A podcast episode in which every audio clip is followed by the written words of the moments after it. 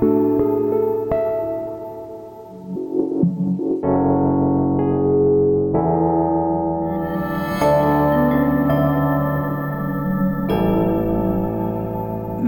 till Modern psykologi-podden. Jag heter Karin Skagerberg och är chefredaktör för tidningen Modern Psykologi. Och den här podden gör vi ju som bekant i samarbete med bokförlaget Natur och kultur. Och med mig idag har jag psykologen Katarina Blom. Välkommen! Tack!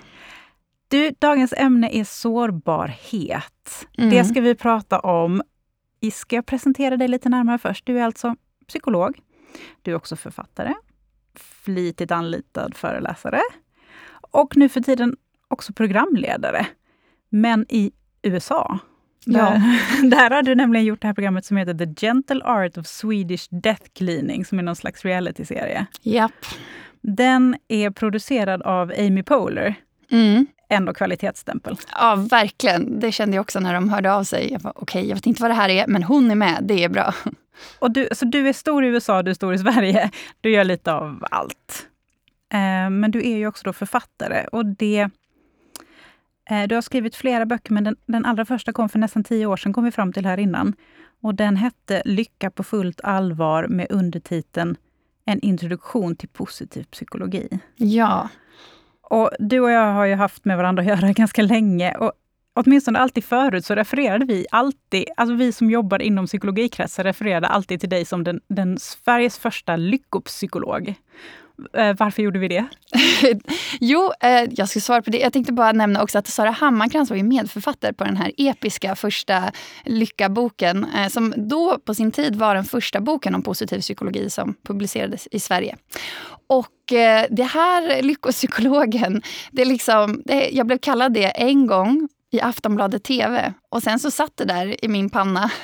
Och eh, ja, det lever med mig än. Eh, det är ju lite med glimten i ögat. Eh, och jag använder det för att få liksom, sätta in en fot i en dörr som annars hade varit stängd. Eh, ofta i organisationer eller på myndigheter. Att få komma in och prata om vikten av psykisk hälsa och vad vi faktiskt kan göra rent konkret i vardagen för att stärka den. Eh, nu känns det som att det har blivit mer allmän eh, gods, så att vi faktiskt förstår att vi kan träna vår, våra psykologiska förmågor precis som våra fysiska. Men eh, då var det inte det. Eh, och eh, det kändes viktigt att få etikettera sig som lyckopsykolog så att man liksom, som psykologens blev insläppt i huset. Och sen så tyckte jag om att alltid börja med att prata om att det inte handlar om att vi ska tänka positivt. För det var också rådande idealet att vill man må bra då måste man ändra hur man tänker och man ska då bara ha så här glada tankar. Hur man nu ska lyckas med det ställer jag mig fortfarande frågan. Eh, så att eh, ja, jag hade mina strategier för att få komma fram och för att få bli insläppt och, och hörd. Och eh, det gick faktiskt bra. Eh, så sen dess så har jag ju fått chansen att prata inför väldigt många eh, organisationer och också skriva eh, nya böcker om hur vi kan må bra tillsammans. När vi pratar om, om positiv psykologi, som är mycket av det som du har ägnat dig åt, så ja, lite slängigt säger vi nog ibland lyckopsykologi då, lyckopsykolog. Mm. Är det eh, synonymt eller vad?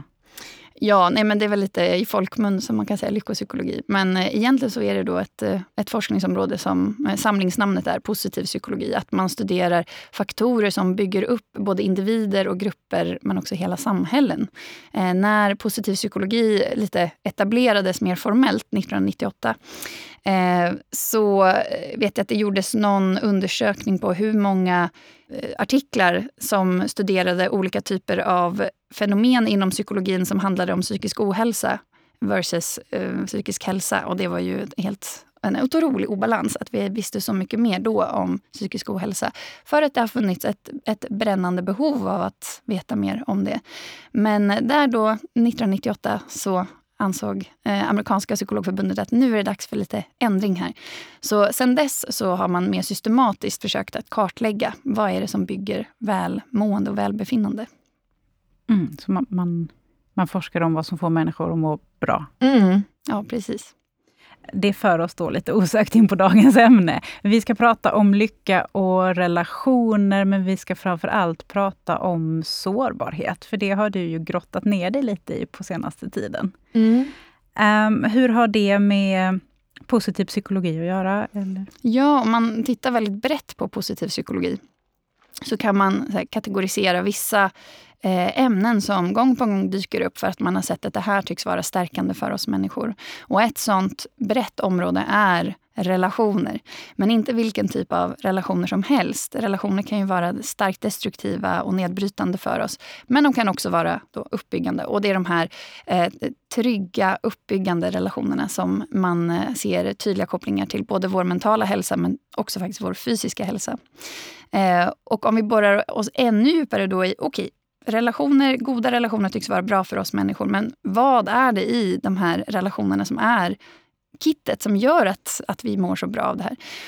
Och det har man också sett då, olika faktorer. Men en som dyker upp gång på gång är det här med eh, tillit. Att vi kan lita på varandra. Och hur vet vi att vi kan lita på varandra? Jo, vi har varit med om någonting prövande där den andra personen fanns där och gav en, en, en, ett tryggt rum där vi kunde trygga upp oss själva och varandra. Eh, så sårbarhet är som en buljongtärning i relationssoppan som i sin tur är en buljongtärning i lyckosoppan, skulle jag säga. Många soppor. Ja, men Jättebra, men vi ska grotta ner oss i det för sårbarhet. Alltså, Kanske bara inledningsvis då när man pratar om sårbarhet. Det finns ju en liten tendens, alltså det ligger ganska nära till hands att tänka att det handlar om att vara bräcklig och eh, att mer ha nära till negativa känslor och sånt. Det är inte riktigt det vi pratar om, eller hur? Eller hur, hur skulle du definiera den här? Ja, nej men visst. Jag tänkte direkt nu när jag sa det här inledande exemplet att när man känner sig otrygg, att man kan liksom prata om det. Så här, då hamnar man där igen, att, så här, att det nödvändigtvis ska handla om någonting, att jag upplever ett tvivel kanske. Men även när vi upplever starka positiva känslor så, så kan det finnas en sårbarhet i det också. Så jag skulle verkligen vilja eh, slå ett slag för att vi vidgar synen på sårbarhet. Att det inte bara handlar om att eh, kanske våga eh, gråta offentligt på sociala medier eller att eh, öppna upp om det som vi känner tvivel kring. Utan det handlar också om när vi känner oss stolta över någonting och vågar dela med oss om det. Eller att man kanske är förälskad i någon och vågar dela med sig av det. Eh, vi kanske har en dröm som vi känner såklart en osäkerhet kring, för den är inte verkligheten. Jag vet inte om jag kommer lyckas leva den här drömmen, men jag har den drömmen. Eh, allt det här är förknippat med positiva känslor. Men eh, eh det som är den gemensamma röda tråden mellan ett tvivel eller att vi har varit med om en stark förlust eller en dröm eller en förälskelse är att alla de här händelserna ligger nära våra hjärtan. Det är något som är viktigt för oss, det är värdefullt för oss. Och när vi vågar vara sårbara inför varandra, det handlar i grunden om att vi tar en risk, att vi vågar öppna en dörr till vårt hjärta och fråga den andra, vill du stå här med mig? Vill du, vill du titta in här och vara i det här inre rummet med mig? Eh, och det kan handla om som sagt både att vi är jätteglada eller upprymda kring någonting eller stolta, men också att vi är djupt tvivlande eller att vi mår otroligt dåligt. Vi kanske eh, är på verkligen en, en mörk plats i våra liv. Och att då våga öppna upp om det, det är sårbart. Det låter självklart när du säger det, men det är ju inte alltid superenkelt. Nej. Jag tänkte faktiskt på det, för att du har du har skrivit en bok till ganska nyligen. Jag tror den kom för äh, kanske två år sedan. Nej, men det var förra året faktiskt. Ja, ja. Eh, som heter Tillsammanseffekten. Mm. Och den handlar mycket om relationer som du pratar om, där sårbarheten är en del av soppan. Mm. Eh, sårbarheten har ett helt kapitel där och där tar du upp eh, några pusselbitar, som du kallar det för, för eh, hur, vad som påverkar egentligen vår förmåga till sårbarhet, för vi är ju onekligen olika bra på det. Eh, ska vi, ska vi riva av dem? Ja, men visst. Ja. Vad påverkar oss? Ja, jag tänker att vi har ju alla, alltså man kan bara titta på sin släkt eller på sin bekantskapskrets eller på sin arbetsplats. Vi har alla olika erfarenheter av att ibland när man pratar med någon så är det nästan som en osynlig vägg. Att man man får en känsla av att säga, jag kan inte ställa djupare frågor till den här personen. Det, det är som en mussla liksom framför en. Och sen är man kanske i något annat sammanhang där man träffar en person som bara spiller ut sitt liv på bordet framför en. Och man bara, oj, men vi känner ju knappt varandra och vi bara äter lunch på jobbet och vänta, vad händer nu? Eh, och nu det här är lite extrem varianter, men vi är alla på de här skalan att vi förhåller oss väldigt olika till att dela med oss av de här innerliga, hjärtliga samtalsämnena. Och eh, i boken skriver jag då om de här fyra olika pusselbitarna. Jag tänker att jag säger rubriken direkt. Mm. För annars kan, så att jag, jag har den röda tråden. Dels på den mest grovpixliga nivån så blir vi alla präglade av vår evolution eh, på ett ganska jämställt sätt. Att vi alla är människor.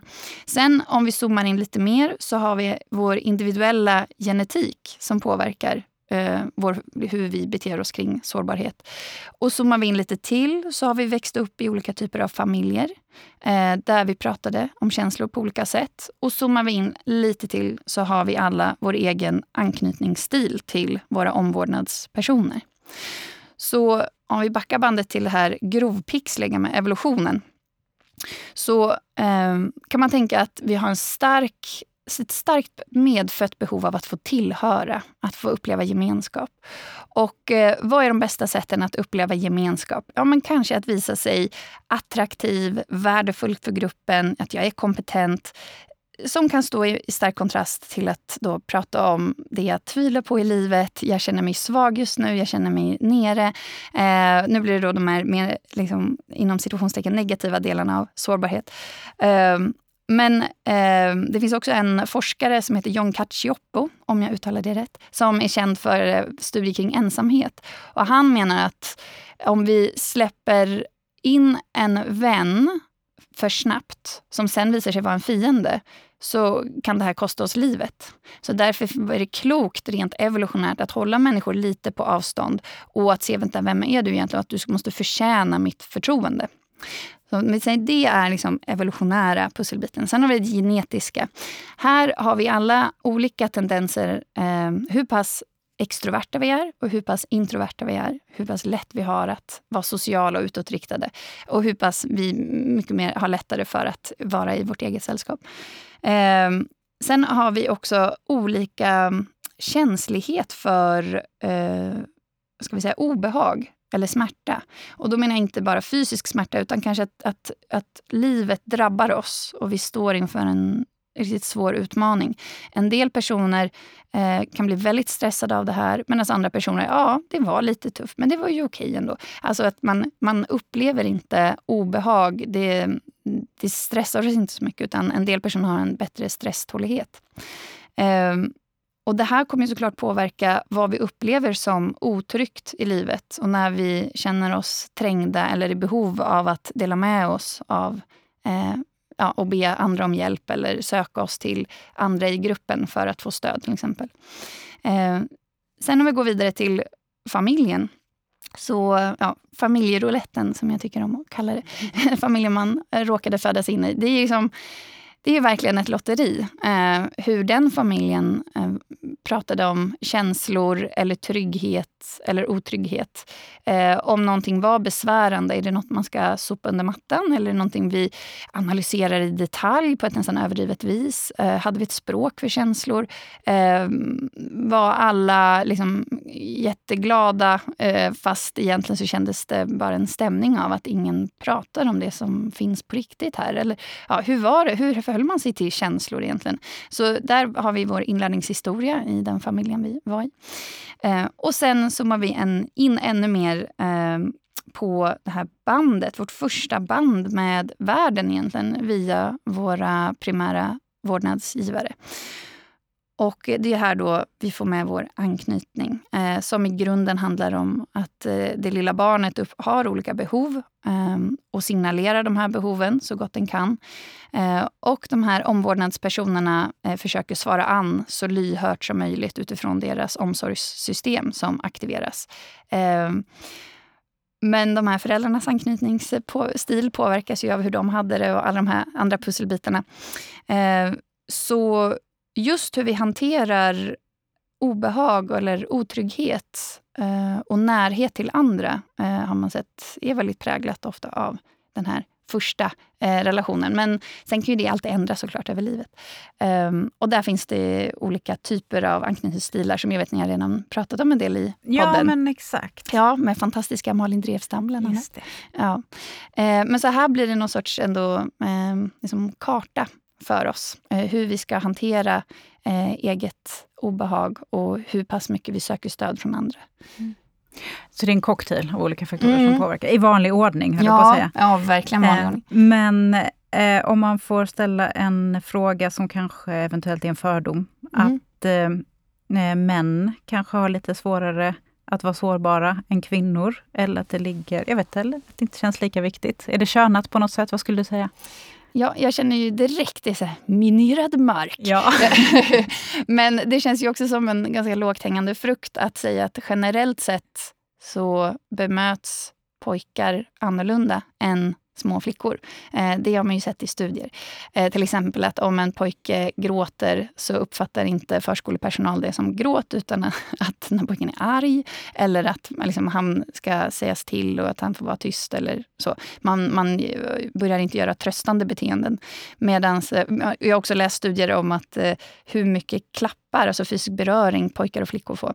Så jag tror att eh, vårt, vilket kön vi föddes med påverkar hur mycket om den här omvårdnaden och den här lyhördheten som vi möts med från andra. Och eh, också att vi unga, unga män, pojkar, inte får kanske träna på att prata om känslor lika mycket som kvinnor och flickor. Och när vi ändå är inne lite på det ämnet här med sårbarhet. Nu pratar vi om det som en självklarhet för att eh, för att få fördjupade relationer eller för att må bra. Eh, hur pass viktigt är det egentligen då? Ja, eh, det finns eh, studier som visar att det är värdefullt för oss. Just De här studierna var mer på om man har varit med om en drabbande händelse. Eh, till exempel att man har förlorat sin partner eller att eh, ja, livet vändes plötsligt upp och ner. Eh, att då har man kunnat eh, se de personer som liksom slöt sig i det här och de personer som valde att prata om de här sakerna med eh, anhöriga. Att eh, de som öppnade upp om det hade färre somatiska bekymmer. Eh, mindre hu huvudvärk och mindre diarré och ja, sådana klassiska annars stresssymptom. Eh, det finns också eh, en annan lite lustig studie där man skulle prata om någonting som bekymrade en eh, med sig själv, med en förstående främling eller med en icke-förstående främling. Och man, de här deltagarna mådde bättre av att få prata om det med sig själv och med en förstående främling, men inte inför en främling som bara var så här, jaha, jaha, mm, nej, jag förstår, ah, okej. Okay. Eh, så att, eh, det är ju någonting som är lugnande när vi möts av just förståelse. Och är man är man drabbad av en sån här väldigt intensiv, överväldigande händelse eh, så har man också sett i andra studier att eh, något av det viktigaste vi kan göra är att aktivera den drabbades sociala stödsystem, alltså nätverket av personer runt omkring den. Eh, så när vi är med om svåra händelser så det är en social händelse skulle jag säga. För det, när vi känner oss hotade så tenderar vi att söka oss mot andra. Och det kan också, den här händelsen kan göra att vi går från att uppfatta världen från trygg till otrygg. Eh, så att det, det färgar av sig på hela vårt universum och det är väldigt viktigt att vi får en chans att eh, inte bära det helt ensamma. Även om ingen kan lösa den här stressen åt dig eller förändra eller ge tillbaka din partner eller vad det nu skulle kunna vara. Eh, just att vi inte står ensamma med den Eh, det obehaget och den här förlusten eller den här förändringen. Eh, det har ett eget värde. Och eh, man har också sett studier att när vi får försöka att sätta ord på en överväldigande händelse eller någonting som skaver eller som vi bär på, som stressar oss, som bekymrar oss, så eh, tankar och känslor, eh, de kan ju ske lite eh, ett enda virvar inom oss. Men när vi tvingas sätta ord på det i realtid, på det här klumpiga sättet man försöker fånga en hel upplevelse i ett språk, då sker det någonting. Vi tvingas in i ett narrativ. Vi, tvingas att försöka bringa mening i det som hände. Och just att bli bemött med med lyhördhet och, och inkänning. Eh, någon som kan hjälpa oss att visa hur våra känsloupplevelser är helt rimliga och faktiskt giltiga. Eh, kan också vara tryggande trots att ingenting har förändrats i världen där ute. Ja, det känns som att du är inne på något viktigt här också med det här med lyhördheten. För det här minns jag som en, en ganska viktig del eh, när vi pratade om det sist. Att hur man tar emot sårbarhet också. Mm, För ja. det är en sak att vara sårbar, men lyssna på någon annan som är det, är inte heller superlätt. Nej, Nej men visst, och jag tror att vi har nog alla varit med om och själva bidragit till det här Eh, kanske hemma med sin partner, vad vet jag? Eh, där man kommer med ett problem och, eh, och den ena parten lyfter det här var jobbigt för mig och den andra parten säger här har du en fin lösning på det problemet. Ja, eller har det hänt i? Nej, aldrig. Nej, jag, aldrig. jag vet nej. inte vad du pratar om. Nej, inte jag heller. Det är märkligt. Där. Bara du och jag har nog mm. aldrig varit med om det. Men resten har nog... Ja. Men vi kan berätta för dem då hur de ska lösa det. Ja, ja. men det är ju fint. Nej, men, eh, eh, så ofta så tycker jag vi pratar om sårbarhet i många... Till och med arbetsplatser pratar om vikten av psykologisk trygghet nu. Eh, att vi vågar öppna upp oss om det som skaver eller när vi gör misstag eller när vi känner oss osäkra på saker och ting. Eh, men vi behöver prata minst lika mycket om vad gör vi av den här sårbarheten? Hur kan vi bemöta det här på ett bra sätt? För bara för att man lyfter upp saker eh, gör ju inte att en relation automatiskt fördjupas. Som det här exemplet med någon som spiller ut sitt hjärta på, vid lunchen och jag känner inte ens den här personen kanske, eller vad det nu kan vara. Eh, utan det här är verkligen ett samspel som sår, sårbarhet ska fördjupa en relation. Eh, och i boken så lyfter jag studier kring eh, något som kallas för uppfattad lyhördhet, perceived responsiveness. Eh, så hur vi bemöter och fångar upp den här sårbarheten är avgörande för om sårbarheten leder till en, ett fördjupande eller om personen känner sig illa bemött och kanske upplever ett obehag och lite tänker okej, okay, jag kommer nog inte öppna mig för dig igen. Eh, för det här var bara jobbigt och obehagligt. Och den här uppfattade lyhördheten. Det räcker ju inte med att jag som lyssnar känner så här, åh nu är jag så här psykolog Katarina, ska lyssna så himla bra. Gud vad bra jag är på att lyssna och ta emot Karin här. Eh, det räcker ju inte, utan det som är viktigt här det är ju att Karin upplever att jag är lyhörd. Och det man har sett i rent så här, formellt i studier, vad är egentligen lyhördhet? Då har man delat upp det i tre komponenter. Men det gäller ju då att personen som var sårbar uppfattar det här också som att ja, den här personen var verkligen lyhörd när den genomförde de här tre komponenterna. Den första komponenten är förståelse. Att man signalerar förståelse. Hur gör man det? Ja, till exempel genom att ställa frågor och kontrollera att så här, har jag förstått det här rätt nu? När du sa det här, var det så här du menade? Eh, och Det är först när vi verkligen eh, har en känsla av att ja, men jag förstår vad Karin var med om eh, som vi kan gå vidare till att ge bekräftelse. Om vi börjar med att bekräfta personen, eh, då vet vi egentligen inte om vi har bekräftat rätt. Utan först förståelse, sen kommer att jag bekräftar din upplevelse. Och här vill man gärna zooma in på kanske eh, känslorna. Att din känslomässiga upplevelse, att den är, som jag nämnde tidigare, att den både är giltig och helt rimlig givet den här situationen som du berättar om. Ofta kan vi människor bli självkritiska mot våra egna känslomässiga upplevelser. Att oh, varför blev det så stark upplevelse för mig? Eller jag borde ju känt mer. Han sa att han älskar mig. Jag kände ingenting. Jag borde känt annorlunda. Alltså, man håller på att liksom managera sina känslor istället för att bara okej, okay, det var så här jag kände. Så här blev det för mig. Och här i den här lyhördhetsstegen eh, så finns det sån fin chans att få verkligen stärka upp den här personen. Att nej, men precis det du kände, det var ju helt rimligt och helt giltigt för dig. Eh, och man kan absolut säga saker som eh, jag tror vem som helst hade känt precis som du gjorde i det läget. Sen har vi det sista steget som handlar om omsorg. Att man också signalerar en värme. Att så här, okej, okay, jag förstår vad som hände och jag har verkligen bekräftat din känslomässiga upplevelse. Och nu vill jag också signalera en värme och omsorg. Att jag, jag bryr mig om dig, du är viktig för mig. Eh, jag vill verkligen att du ska ha det bra och jag undrar vad skulle du behöva just nu? För nu sitter vi ju ändå, jag kunde inte vara med där och då, men nu är vi tillsammans. Så vad är det du behöver just nu? Finns det nåt jag kan göra här och nu? Eller, eller om vi tittar framåt, vad skulle du må bra av? Eh, och Det som jag tycker är så fint med de här tre stegen, det är att den andra personen känner sig ju ofta då sedd och att den har fått stöd och fått en stund att sortera och, och liksom landa i den här upplevelsen. Eh, att känna sig lite mer trygg kanske. Och jag har ju inte kommit med ett enda sånt här lösningsförslag än. Nej. Eh, och sen har man ju samtidigt krattat manegen väldigt fint för att nu tror jag att det finns jättebra möjligheter att ha det här lösningsfokuserade samtalet. Men att man först tar hand om känslorna på det här sättet. Jättebra crash course hur man blir en sån superbra hobbypsykolog till sina vänner. Lysande. Jag tror att vi, vi, kör, vi kör en uppräkning av det här i slutet innan vi, innan vi säger hej då, så vi kommer ihåg det. Ja, men visst. Du, för, för att fortsätta lite på det här tipsspåret, så är det ju faktiskt så att du har skrivit en jättefin text i modern psykologi. En Yay. så kallad stegis, som vi kallar dem, en steg för steg-guide. Som handlar lite om hur man kan släppa in sårbarheten i sitt liv. Och lite nycklar i jakten på sårbarhet. Och vi har, vi har varit och pratat lite om det, men den är ju så fin för att den är i eh, punktform, och det är jag ett fan av. Så jag tänker att vi kanske ska avsluta med att liksom ta de punkterna också, för att summera här. Mm.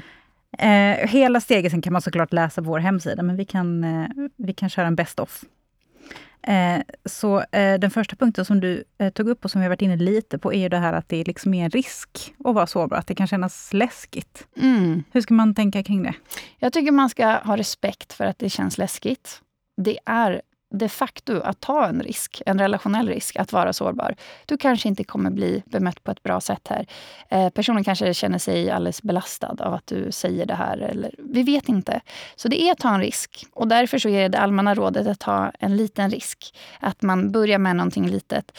Och eh, jag tycker också att man kan reflektera kring hur är, mitt, hur är min relation till sårbarhet?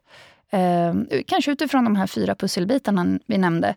Eh, hur brukar jag hantera när livet känns utmanande eller när jag känner mig väldigt stolt och glad över någonting och liksom Åh, det här, vill jag dela det här? Eller är det, någon, är det skämmigt att, att det går bra? Eller så här, är det någonting jag måste gömma undan? Så bara reflektera lite. Hur brukar jag hantera eh, när någonting känns väldigt personligt och ligger nära hjärtat. Och är jag nöjd över det? Brukar jag vara sårbarhetsbakis, som jag skriver om i Stegisen. En del personer så eh, man delar med sig och så nästa dag bara, herregud, har jag öppnat upp mig så här mycket? Nej, gud, nu känner jag mig alldeles blottad och det här är lite läskigt. Eh, liksom bara att, att trampa runt lite här. Vänta, hur brukar det här med sårbarhet vara för mig? Hur är min relation till sårbarhet? Eh, det, det för oss lite in på eh, punkt nummer två, där du har ställt frågan, vem är man sårbar inför? För det handlar ju lite om detta, va? Ja, precis. Så det är lite, apropå sårbarhetsbakis. Eh, är, jag, är jag omsorgsfull med mig själv, med vem jag väljer att vara sårbar inför? Eftersom det kan vara ganska arbetsamt att vara sårbar och inte mötas med den här lyhördheten. Eh, och samtidigt, om man inte väljer att öppna upp, om man mer tillhör lagmusslan, mm. eh, så, så kan det kännas tryggt på ett annat sätt att vara där. Eh, men det finns också eh, troligen en känsla av eh, ensamhet. Eh, att jag inte får dela eller komma andra människor nära kring de här känslomässigt viktiga upplevelserna som jag har. Så att eh, eh, se över lite, finns det någon jag kan prata med eller känner jag mig ensam? Är jag okej okay med det? Är det någonting jag vill jobba med eller förändra? Eh, så att eh, egentligen självkännedom på de här två första. Att så här, hur förhåller jag mig till sårbarhet? Och vill jag vara sårbar? Vet jag vem jag kan vara sårbar med? Kanske har jag kompisar hemma, men kanske inte någon på jobbet. Eller tvärtom, att jag har folk på jobbet som förstår mig, men inte någon hemma. Eh, familjen, släkten. Det är olika sociala arenor. Och vi kanske inte måste vara lika sårbara överallt, men någonstans behöver vi nog få chans att ventilera och, och känna djup kontakt med en annan människa. Och det är uppträningsbart åt så att säga alla håll? Ja, absolut. absolut. Så om man tenderar att dela för mycket så kan man ju träna på att eh, stå emot impulsen att spilla ut sitt hjärta. Eh, trots att hela kroppen vill få dela med sig. Den här känslan är för stor för mig, jag kan inte bära den att öva lite på att eh, ja, toleransträna. Att vara kvar och bara känna på den här impulsen. Och bara, ja, jag får dela med mig av det här. Men inte just nu. Vi väntar fem minuter, tio minuter, en dag, kanske en vecka. Eh, så att vi tränar upp mer och mer av en flexibilitet och en valfrihet. Att jag äger när jag vill dela med mig. Eh, det är inte någonting jag måste göra för att känna mig nära andra och känna mig trygg på det sättet. Eh, en punkt som du också tog upp är en fråga som är hur ökar jag graderna på min sårbarhetstermometer i min relation? Mm. Alltså, vi syftar på en kärleksrelation här då. Eh, nej, jag tänkte faktiskt i vänskapsrelation också. Ja. Alltså, det kan vara ja. vilken relation som helst som man känner att att det här är en relation som jag skulle vilja fördjupa. Så tänkte jag när jag skrev den. Och det beror lite på varifrån man kommer då, eh, tolkar jag det som. Ja, precis. Så här kanske det är mer riktat mot musselgänget. Att om man känner att eh, jag skulle vilja fördjupa den här. Eller för den, om man är i sårbarhetsbakishörnan, eh, då kanske man har många erfarenheter av att jag blir alltid för sårbar för snabbt så folk skräms iväg. Ehm, så på så sätt kan man ju rikta sig till båda. Ehm, men säg att vi vill fördjupa en relation med hjälp av sårbarhet, eh, så skulle jag verkligen förorda ehm, det här med ömsesidighet och att ta saker gradvis. Så att Eh, man öppnar sig lite grann. Kan den andra svara an med den här lyhördheten? Eh, delar den andra med sig också av något sårbart som jag får svara an med, med lyhördhet? Och att vi tar det lite försiktigt och varsamt. Att man liksom, eh, kollar av. Eh, såklart blir det inte så här alltid. Ibland är vi med om någonting omvälvande eh, som gör att vi snabbt blir nära med varandra. Men i många fall, jag skulle säga i liksom det vanliga fall, vanligaste fallet, så eh, fördjupar man relationen på det här sättet genom ömsesidighet och eh, gradvis delning. Och då är det viktigt att vi kanske förflyttar vad vi pratar om. Inte så här, ja idag är jag inne och gör den här podden, sen ska jag äta lunch med en kompis och sen så ska jag göra en till podd i eftermiddag. Eh, så, det är vad jag ska göra. Det är ju inte speciellt personligt. Utan om vi lägger på ett känslolager, hur hur känner jag kring de här aktiviteterna som jag har? Eh, ja, jag är så nervös inför att åka på den här podden med Karin idag. Det ska du veta, jag var jättenervös. Eftersom det är så många psykologer som lyssnar på det här. Psykologer är ju så läskiga att prata inför. Eh, så det var väldigt nervöst för mig. Och sen ska jag äta lunch med en kompis och vi har inte träffats på jättelänge. Alltså att man, mm. Och jag har längtat efter henne så mycket. Och att man lägger på känslorna. Så om någon på jobbet frågar vad gjorde du i helgen? Eh, att återge schemat Fine. Ja, vi gjorde de här aktiviteterna, vi var på fotbollsträning, vi hade en frukost, solen sken. Ja, kanske inte jätteintressant. Man har eh, kanske varit med om det. Ja. ja, man kanske har varit med om de typen av torra samtal. Men om man då säger så här, okej okay, vad betydde det för dig att solen sken? Vad betydde det för dig att äntligen få ha en lång frukost? Eller att gå på den här... Okej, okay, ni spelar, vad, vad, betyder vad väcker det? Liksom, utan att man ska liksom bli onödig, så här, vad väcker det? Men, men bara, eh, ofta så är det känslolagret, vår egen upplevelse av vår vardag, som är det som för oss samman och gör att vi hakar i varandra och att vi känner igen oss i varandra. Att, oh, men så där känner jag också. Ja, man vill ju veta hur folk har det. Ja, alltså exakt. hur de känner och tänker. Ja. Såklart. Du, eh, punkt nummer fyra eh, var också en fråga. Pärlor för svin eller fördjupad relation? Frågetecken. Mm. Dam, ja, hur vet dam. man? Ja, det vet man på sin egen känsla. Igen tillbaka till den här uppfattad lyhördhet. Att eh, när jag är sårbar känner jag mig väl mottagen. Känner jag att personen förstod mig. Att den också förstod mina känslor i det här. Och eh, att den uttryckte den här värmen och omsorgen. Att det kändes tryggt i slutändan. Ehm, så, och det är ju verkligen inte alltid det gör det. Eh, så det är därför jag verkligen medvetet har skrivit pärlor för svin. För sårbarhet är ju ofta en liten pärla, en liten sårbarhetspärla från hjärtat. Eh, och jag skulle verkligen säga att det är ett vägskäl. Antingen så fördjupas relationen eller så förytligas den. Man försökte dyka ner men blupp, så hamnar man vid ytan igen. Mm. Och då kanske det får vara så. Sista punkten heter Dansa sårbarhetsdansen. Mm.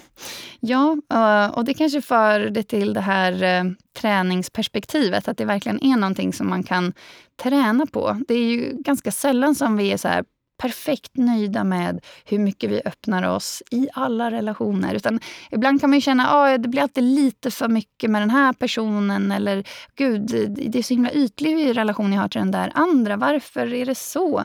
Eh, och att öva över tid på de här olika stegen. Det handlar ju om att eh, känna efter inåt. Vad, vad har jag för impulser här? Vill jag agera på den impulsen? Eh, till exempel kring att dela. Eh, och hur svarar den andra personen an? Och hur, hur är bra jag på det här med lyhördhet? Kan jag svara an? Är det läskigt? Blir jag stressad när någon delar med sig av det personliga? Varför, varför väcker det obehag i mig? Varför blir jag stressad av det och vill byta ämne? är jag bekväm? Liksom, vill jag fortsätta ha det så eller vill jag titta närmare på det här? Eh, hur jag kan stanna kvar i, sårbar som, eh, i samtal som är sårbara. Eh, och kanske träna upp mina lyhördhetsbeteenden. Just det, och det sa jag att vi skulle återgå till de tre sista, de där lyhördhetstipsen slutligen igen. Mm. Vilka var de nu då? Eh, jo, då ska man börja med att eh, signalera förståelse. Hur gör man det? Jo, genom att ställa frågor och gärna kolla så här, har jag förstått det rätt om blub, blub, blub, blub. Eh, nummer två, bekräftelse. Och sikta in det på att bekräfta känslorna som den andra personen signalerar. Eh, och sätt känslorna i ett sammanhang som gör att det är verkligen förståeligt att de här känslorna dök upp. De är både rimliga och giltiga sett till vem du är och sett till den här situationen där de uppstod. Och sen slutligen nummer tre, eh, att signalera omsorg och eh, värme.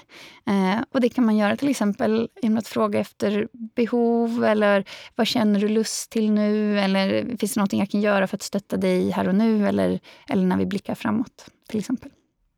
Jättebra tips. Du Katarina, en sista personlig fråga.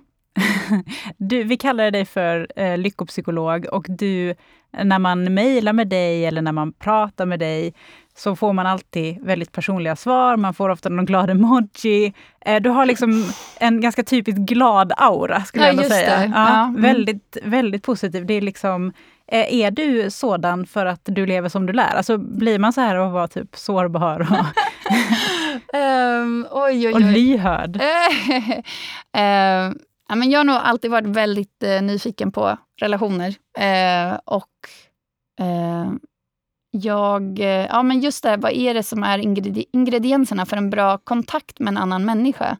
Eh, jag tycker det, I boken skrev jag lite om Aristoteles. Han har sagt något citat som är typ eh, Tänk dig att du får vad du vill i hela världen. Hur mycket pengar, eller liksom vad som helst. Du får exakt vad som Alla dina önskningar går i uppfyllelse.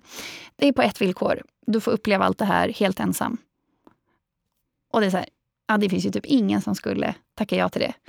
Eh, för det är någonting magiskt, tycker jag, med kontakten mellan oss människor. Hur vi på ett existentiellt plan är totalt ensamma. Alltså, jag föds själv, jag dör själv på ett sätt. Eh, och så under den här resan så har vi chans att knyta an och, och fördjupa oss i varandra. Och det är någonting som är så otroligt fascinerande med det där. Och som jag tror jag har varit nyfiken på ända sedan jag var barn, faktiskt. Um, så jag är inte förvånad att, uh, att det blev... Att du har en glad aura? Ja, glad aura. Ja. Det, det vet jag inte var den kommer ifrån. Men, uh, men jag är... Uh, ja, men just det här med det här intresset med vad är det egentligen som gör att vi mår bra och att det hamnade i relationer. Och ja, mm. det är väldigt spännande tycker jag. Eh, tack för att du, du delar med dig av det och av eh, allt det du har lärt dig i dina böcker. De heter alltså, den första boken heter Lycka på fullt allvar. Den har tio år på nacken men är absolut aktuell fortfarande tycker jag. Um, du påminner mig om att jag skrev recension av den för tio år sedan ja, i tidningen. Och den var bra måste jag säga. Mycket fin recension. Ja, jag, jag, jag minns att jag, att jag tyckte om boken. Mm. Och den här senaste boken då heter Tillsammanseffekten och fokuserar på eh, relation och lycka. Och jag kommer att tänka på en annan person som jag tycker att vi ska tipsa om på tal om sårbarhet. En personlig favorit är ju forskaren Brené Brown som också ja. forskar mycket om sårbarhet, amerikansk ja. forskare. Som jag misstänker att du ändå kanske eventuellt är ett fan av. Absolut. Eh, hon har ju skrivit böcker böcker, men det finns också ett gäng eh, jättebra TED-talks som man kan yes. hitta henne. Eh, vi tipsar om henne, vi tipsar om dina böcker. Tack för att du kom Katarina. Tack Karin, så himla fint att få sitta här och fördjupa sig i sårbarhet Sårbara loss. Ja, exakt. Sårbara loss. Underbart.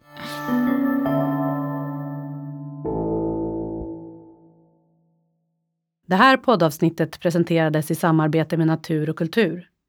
Vi är en oberoende stiftelse som förutom att inspirera till läsande och lärande också stärker röster i det demokratiska samtalet genom priser, stipendier och stöd. Så varje gång du väljer natur och kultur är du del av något större